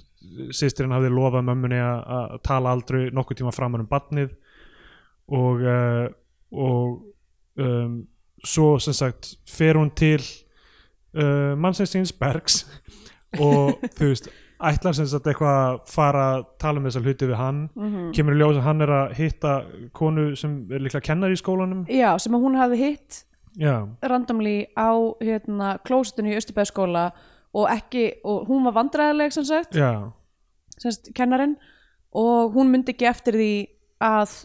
já það- hann var búinn að segja hann var búinn henni að að þau segja væ- henni þau að þau væri væru að að hittast hittast, já. og, þannig að og, og hérna og, og, og það var, þú veist, það var sem sagt að persóna aðnöyti brím sem vildi skilja út af því hún held að já, maðurinn sem var að fara að svítla með barnið mm. skatt hann ekki bara samt loka þessum gluggum ég meina ég se- ég, af, af hverju er þetta, er þetta hæðin sem hún vil tapa Já, hjónabandinu þú yeah, veist bara, ok, hún brjálast í hversin sem ég opna glugga kannski bara ekki, þú veist, af hverju er svona mikið hérna lofta út þegar hún er úti eða eitthvað ég eh, veit bara, þú veist ekki alveg fastur að þessu Alveg. en ég skil alveg að taka það sem eitthvað svona stolt dæmi eitthvað þú treystir mér ekki fyrir sininum en ef þetta er, e, ef það er bara gluggarnir ég segi það, hvað- hvað- af hverju er þetta svona svakalega mikið mál En uh, já, þarna segir hún við hann eitthvað, þú ert góður pappi Bergur og, og, Mm. og hérna hún þykist hafa ætlað að ná því einhverja safa vel og labbar út, skilur hann eftir eitthvað, mm. á einhverjum tröppum. algjör óþurfa að skilja þess að safa eftir já. lúka eins og þetta var svona voldug safa Mjög voldur. En alveg, það er svona krúllegt eitthvað svona skil, þú veist, þetta er eitthvað svona fyndin hegðun, skilja safa vel eftir út á Já. götu. Um, já, og svo kemur hún heim, uh, það, hún, og það er ein mynd eftir af, af sýsturum þremur saman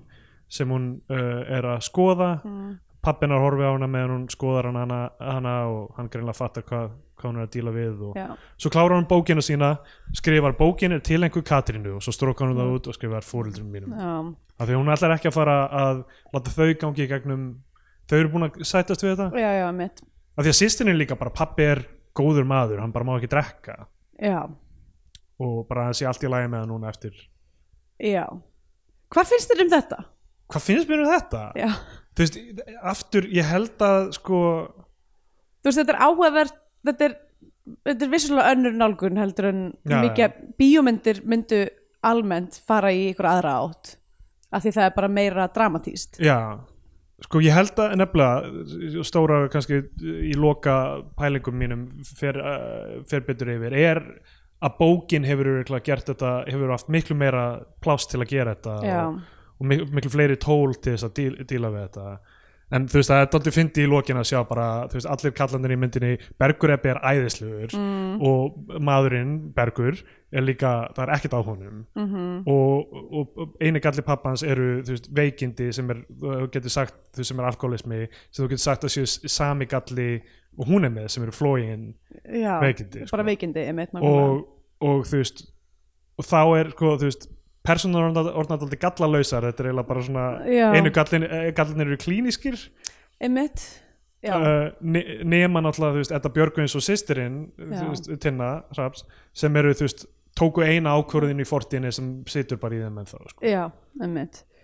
uh, og þú veist og Þetta ég er bara veit- hann einhver flétta, einhver gla- gaslýsinga út af einni á- ákvörðun já, og svo er fullt af veikindum sem spila inn í þessa Já, já, einmitt Ég veit ekki, þú veist Þetta er Sko, ég held að þetta sé sann sko, örgulega þessi bók og, og líklega þessi mynd eða svona ástæðan fyrir því að þetta hefur náð upp að borð hjá fólki er að þú veist, það er einhvern veginn allir eins og einn að Já, blæti já. bara sagt í reynilega í handritinu eitthvað svona þessi kynsluð, bara Já, já. eitthvað þú veist, þetta er bara það sem að gert og ég, man, ég held að flestir sem að vita eitthvað um fjölskyldisögu sína vita um einn eða tvo hluti sem eru bara svona Já. bonkers Við tölum ekki um þetta eitthvað já, sem- bara þetta er eitthvað sem ekki tala um ég komst ekki Já. um svona hlut bara þú Ég veist, líka sko og það bara, já, ok, ok, ok og, þú veist, og svo er bara aldrei talað um þetta aftur og það er bara þannig þannig að þú veist, auðvitað, já, það er eðl, þetta, er- þetta er svona raunsæðasta end, raunsæðasta endurinn á myndinni er að það sé bara, já, já, þá erum við búin að gangi gegnum þetta en við slum aldrei tala um þetta aftur já, samt já. Það er sko, hérna, það var eitthvað tweet sem var eitthvað svona um jólin eitthvað Now time for the, the moment and the holidays when you're doing the dishes with your mom and she tells you the saddest thing you've ever heard Oh Það það var eitthvað tweet Og Ég var alveg, þú veist, ég einmitt, já, eitthvað, já, ok, hérna var eitthvað leyndamál fortíðanar sem ég bara hef aldrei, aldrei, aldrei einmitt, heyrt og útskýrir eitthvað hluti og eitthvað einmitt. Og hérna. svo og, maður- það er hef, aldrei og neina- hefur líka bara verið sagt manni einhvern veginn í hálfu hljóði þannig að ég er ekki eins og með dítilana Nei, alveg á nákvæmlega. hreinu, ég er bara eitthvað býtu Og þú býr til þinn eigin dítela í haustnum í staðinn sko, já, einhvern veginn. einmitt að, að því að þú veist, þú ert kannski að jættulega að heyra þetta eitthvað third hand eða Já, þannig. einmitt, þetta nákvæmlega er, þetta er einhver frendi er búin að í svona, já, svona óti svo að þér eitthvað, já, þú veist, þú veist hvað gerst fyrir hérna já, Gunna frenda eitthvað, en uh, og já, em, ég, ég, ég get ímyndum mér að bókin, og þetta er líka því em, að þekkja þetta allir, þetta er meira að koma upp á yfirborðið nú, nú til dags og það er verið að glíma við bara uh, þú veist, afleiðingar svona hluta í- í- hvernig við komum framkvært við hannað og, og, og hvernig, hvernig samfélag er uppbyggt og ógeðslega mikilvægt málefni til að fjallum já uh, þetta endar á því að strákurinn fær síðan hund ok, og er svona atrið þar sem hann er eitthvað svona greiði hundurinn í þessu atriði Já. að hann er eitthvað svona tógandi í ólinn hans og hundurinn er bara eitthvað, hvað er að gerast og svo enda myndina á bara ramma af andlitunum að Anita Brím mér, mér finnst að þetta, þetta segir ofta eitthvað þetta, við tölum þetta um daginn í þrótt mm. eða þú veist bara að enda á andliti aðalpersonunar án neittan annar upplýsinga sem Já, já. að þetta sé eitthvað svona snúningur á einhverju öðru sko. það dugur ekki fyrir mig sko. N- eða svo segjum eitthvað svona, jæja, og þetta er nú endurinn á þessari sögu Já, fyrsti ramminn er af henni eða hvort það er uh, Þóruldur Þorleif sem er að hérna, taka, tala við hana held ég er fyrsti ramminn Já. eða hún já, jú, mögulega já. hún og svo endar á henni Já. og það er bara eitthvað smá önnur svipriði það er, það er ekki nóg mm. þetta er með fyrsta og síðasta ramma í kveikmynd þetta, er, þetta skiptir miklu máli já. um, Skandinavian Pain Index Wow, ha, Halló! aldeilis gaman sko, eh, vissulega erum við að tala um eh, svona, við erum ekki búin að fá svona mikla neglu í smá tíma Nei, kannski ekki kannski bara ekki síðan harmur Harmur, tölverðin ekki sko. en þessi er örugglega meiri já, allavega þetta er svona klassískari negla Já. því við erum að tala um allavega lindamálfortiðar brotna fjölskyldu, heimilsofbeldi dái Já. batn, spúki vögguvísa og spúki hundur Já. uh, eða, þú veist, ég, ég sá ekki fyrir mér á mínu byggu hvort það myndi vera einhver svona draugahundur en það, Nei, nei, eða, nei. þú veist, þetta er samt minning Já, þetta, er lí- ekki, hlýtur að vera, þetta er ekki draugur þetta er ekki töfrarunnsæi, heldur bara hérna,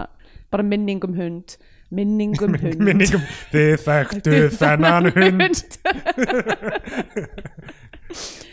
um, og uh, já, svo er hún náttúrulega hún er gífilega blá, hún er að gerist um vetur Já, uh, og uh, þannig að þú veist erfitt að, erfitt að komast hjá því en, hérna, en hún er samtalið greit um ég blátt myndi ég segja uh, sem, og svo er alltaf svo er hérna aðalsögur sem sagt hún hérna Anita alltaf látin verið í, í rauðu til þess að kontrasta já. við þetta bláa dæmi einmitt. um, já ég veit ekki, hefur eitthvað meira við þetta bæta Nei, nei, þetta er bara hið sorglegasta mál allt saman sko. þetta er mjög sorglega allt saman Já, um, já ég ætla bara að segja hérna ætla að gefa þessari mynd ó, ætla ég að gefa henni ekki átta af 11 uh, bastvöggum já ég held ég gefa henni bara einn af einum potti af uh, kjötsúpu já, sem er það sem við borða alltaf í myndinni til að róa sig já,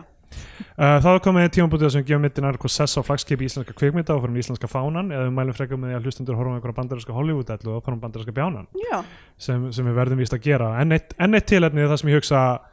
og ég get bara sagt strax að, að þú veist, bara spenntur að sjá hvað Tinna gerir næst já, og bara gaman að fá nýjan leikstjóra eh, sem gerir mynd í fullri lengd mm um, uh, og þess vegna er ömulegt að þurfa að eh, segja að íslenski fáni er bandarinski bjánin en, en ég verð að gefa henni bandarinska bjánana því að bara mér, þú veist, eins og ég held að við komum fram nú þegar uh, erfitt að ef þú ert að taka bókmentir þá ert að festa þig rosalega mikið við, við narratífu já og uh, ef þú ert að taka bókmyndir sem fjalla um svona mikið um innralíf fólks Mhm. þá er árosa erfitt að vera fastur við narratífi já, og triksin sem, sem eru notuð í þessari mynd eru ekki nógu frumlega spennandi að mínum, að mínum mati til þess, að, til þess að ég geti sagt þessi mynd sé nógu Já. vel hefnið uh, flott framist aða gott, gott viðfangsefni og hérna uh, já, flott, fram, flott framist aða í öllum og gott viðfangsefni bara ég, ég, ég er að hugsa maður bara sé- hækka núna því ég er neittur til að halda áfram með þetta að hækka standardin á, á flagskipinu bara, alveg upp í bara, bara, topp bara ég þarf að vera mjög spenntu fyrir myndinni til að hún fái ok, þú veist, annars, annars ég ætla ekki að láta búlja mig í það að ég sé bara eitthvað já, já, gefum myndinni íslenska fánan en mér fannst hún nokkuð góð já, já, ok ég ætla bara að forherðast ok, við þetta. gerðu það ok, þú getur kannski það bara þú veist, í, í, á, á þitt, fla- þín flagskipi, flagskipi Já. uh, ef þú ætlar að setja nýja mynd þá verður að henda annari af já, nákvæmlega það er bara full capacity á flagskipinu já, og þetta nú- er partybátur þú veist, við getum ekki verið með og mikið af fólki, það bara sekkur hann sko. ég, seg, ég meni það er bara leifi fyrir, þetta, er, þetta, er Já. raunni, þetta er sportbátur þetta er ekki nákvæmlega, þú veist, þetta er ekki skemmtifæraskip Já. það er bara leifi fyrir 40 manns á þessum bát nákvæmlega. Við erum, kampavinnið er þungt og við verðum að hafa Mm. Ég það segi þarna. það, hvort á Þeir mann með henda- græjurnar ég, ég verð að taka allan vínileg minn með já. uh, já, þannig að í- sko, ég, ég fór auðvitað að hugsa um aðrar myndir sem fjalla um uh, það sem fólk er svona uh, að missa vitið eða í rauninni í þessu tilfelli að fá það aftur Já. en ég, Safe, hérna, Todd Haynes myndin uh, er, gerir þetta svo ótrúlega vel það sem bara man, uh, Julian Moore er að bara uh, að versna þegar líður á Já. myndina og það er ekkert meira spennandi en að einhvern veginn að horfa að það eða geta haldið áfram, áfram að horfa hún að vestna bara í, í Safe 2 Safe bara 3 alveg gjörsamlega með þess að viti Já. það er ekkert eins og uh, já, Julian Moore í þróti er, er Já. hérna, við getum öll verið sammála um Emmett stundum fer ég bara á YouTube og, og sko, horfum bara á compilation af Julian Moore að grænja Já, það sem hún í Magnolia í apotekuna öskra og eitthvað. Já, mitt og, og hérna eh, þegar hún er að, hérna, í búkinets þegar hún er búin að tapa, tapa forræði við barninu sínu, Já, já. það er allt svo skemmtilegt það er gaman að fylgjast með henni Ég veit ekki, þetta er bara, þú veist, þú ert, þú ert búin að mála það út í hot þegar þú ert að taka þetta viðfangsefni í kveikmyndaformi og sumir geta hoppað eh, yfir og, og í næsta herbeggi það sem er ekki máling á gólfinu. Hver er að mála þessi gólf Ha? þegar þú ert að mála það út í hot? Já Hver er alltaf að mála Nei, gólf? þú, Hvað þú meinar ert að mála það út í hod Ég veit, en þú, að hver er að setja málingu á gólf? Þetta Nota- nota eitthvað greinlega annað á bara einhvern gólfinu. hlutur sem að týðkaðist Hætti að mála þessi gólf, notið eitthvað eitthva lakk eða eitthvað fjandann. Ég meina, ok, það hljóma bara ekki eins vel að slakka sig út í hot Ég er að segja að þú þarf að En fara það er raunverulega erfiðara því að mála sig út í hot máling þóttna miklu hraðar heldur en lakk Ef þú lakkar út í hot, þá getur bara vel dáið Af því að lakk tekur nákvæmlega. marga dag Já, og gufundur af því Yes. að líður yfir þig og þetta er festist við lakkið Ég Ég er bara að segja, ef þú lakkar þig út í hot þá þarf þetta að hafa slíkan stökkkraft til þess að geta stokkið út úr herbygginu og yfir þröskuldin Já. og það er eiginlega bara að fáir leikstjóra sem að hafa Þann stökk stökkkraft, Já. sko, ef nokkrir sko. þannig að ég er að segja að þetta er djarft Já. en bara, hérna, þú, þú lendir aðeins í lakkinu þannig að leiðinu út, sko. og aftur, af hverju, þú veist, það er líka við tölum um leikstjóra sko, þegar þú ert með handriti líka og leikstjórina þá, ver- þá, þú veist, þá byrjar maður að tala um þetta sem eitthvað svona, Mm. sem bara, þú, já, þú, hef- þú, tókst það- hafðir, þú tókst þetta já, einmitt þannig að ég veit ekki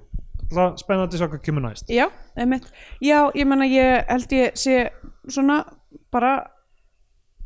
nokkuð sammála þessu. Ég mynd, mynd samt segja,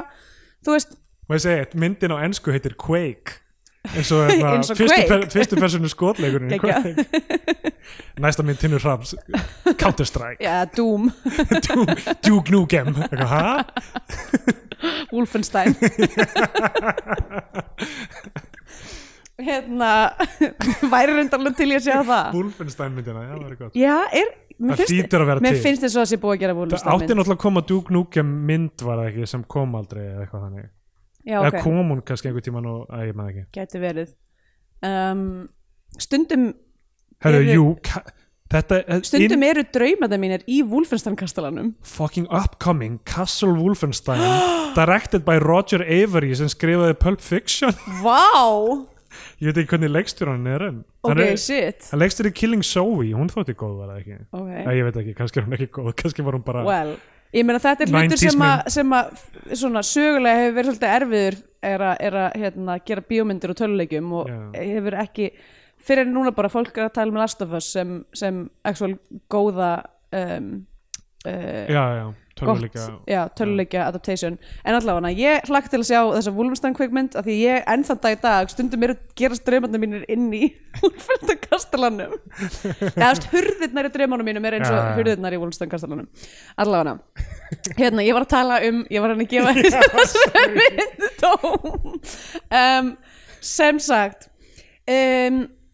mér fa- sko fyrir samt fyrstu kvikmynd finnst mér, þú veist, eins og bara mér fannst hún þrátt fyrir kannski, að ég veit ekki núna er maður hann svo, hérna, ofdegraður að ég var að horfa á þessar, hérna, Hlins Pálmarsson myndir að, að hérna, að, þú veist, þrátt fyrir hún Já, að já. vera fallega, fallega skotin myndin þá var ég svona eitthvað, saknaði það svolítið að vera með eitthvað, þú veist, filmu, filmu áferðina áferð, hérna, af því að þú veist, maður svona fann raunverulega svolítið mikið að þetta var, þú veist, kannski ekki dýrasta tökuvélin nei, nei. um, en engu að síður bara fínt skotin og hérna eitt sem ég mun segja sem ég er leðilegt að segja en bara mér fannst tónlistin allt og soppi Já, já, hún mjög var soppi bara tónlist. rosa soppi og, þú veist, og ég held að mögulega hefði ég ekki pyrrað mig svona mikið á þú veist, þessu þriðjakti um, ef að tónlistin hefði ekki verið að mata svona mikið ofanni með hvernig mér átt að líða Algjörlega, þarna hefði maður en, einmitt form og funksjón, mjög tilrunarkend skrítin tónlist hefði kannski Já, eða þú veist, eða bara meira muted, Já, þú veist, leifa eða mér að það. taka ákvarðanir um, að því þú veist, að því ég var, þú veist, þú veist miklu meira svona að horfa klínist á þetta eins og, eins og fjölskyldan eitthvað svona, hún er pínu veik, en ég var rosa mikið með henni í liði, Já, ég meina auðvitað hlauta að verða, þann, að verða þannig að hún, hún er, að, við erum að fylgjast með henni, hún er aðalpersonan já, já, hlýtur að koma þannig í ljós að hún hafi einhvern veginn haft rétt, fyrir sér eða einmitt, eitthvað. nákvæmlega um, af því að kvikmyndir hættar að koma mér á óvart Já, mér finnst ekki að þegar ke kemur í ljós eitthvað, já, þetta er já, einmitt, en allavega, uh, já, bara, ég- hún fer heldur ekki á flagskipi hjá mér, en uh, bara, þú veist, eh, en bara á sama skapi þá er ég bara spennt að sjá hvað kemur næst frá tinnu kannski væri gaman að sjá mynd þar sem að hún uh, þar sem að einhver fer út og lemur fólk já, minna en virkir að törna hýróstjörni sko. Já, minna en törnaströkul, meira bara svona fyrstu kaps uh, eða kannski svona first person Anita Brím eins og við verðum aldrei síðan á því já, svona first person uh, hérna, svona POV þar sem hún er í bæ bara svona, Já. bara svona lemja kalla og undir er lagið hérna Anita Briem Anita Briem fer út og hún lemur fólk ah, ok, þá er eitthvað komið lægi sem er þátturinn endur á uh, Já, ok, erum við ekki Erðu, fram- jú, ég ætlaði Já. að mæla með insomnia Sænsku, sænsku insomniu Norsku, hún er sænsk-norsk Já. Ekki endurgerðinni heldur eh, S- Stellans Horskard sem er líka, þú veist hann reyndar er mér mjög svona external vandamál sem að er að hann er að reyna að uh, leysa málmál uh, Já. en einhvað síður er að díla við uh, svefleysi og smá geðvilu Einmitt. og mér varst það vel gert í þeirri mynd allavega Já, ég ætla að mæla með því að fólk fari bara meint út í hagkaup, kaupinsmarka SS pakka og finnir og gerir sína eigin rannsóknir. Já, við Virkilega, verðum að þú veist- komast til botts í þessu máli Ekki trúa mainstream fjölmiðlum því að SS pakkarnir, það er öll svörin er að finna það. Já. Það er sko. einmitt ok, Ég bara, stormurinn er að koma, gott og fólk hvað minn góður ég er svo Skjálftin, Nei! skjálftin er að koma stóri skjálftin Stóri skjálftin fuck, jæja Bye Til að styðja við Bíotvíó og fá aukaþætti í hverju viku farið á patreon.com skástrík Bíotvíó. Svo væri geggjað ef þið myndi gefa ykkur svona stjörnir og þannig á Apple eða Spotify eða hvað sem þið hlustið á hlaðverð. Það hjálpar víst öðrum að heyra frá Bíotvíó, höldum við, þannig, að, um, þannig virkar algoritminn eins bestu viðskilum það allavega. Takk! Í bónustvíó, auka þætti Bíotvíó þessa vikuna, er til umfyllunar stuttmyndin Eldhús eftir máli frá 2020 í leikstjórn Alla Arnarssonar og Sólunar Ylfu Ingimarsdóttur og við Andrea veljum bestu eða verstu íllmenni íslenska kvikmyndasögu.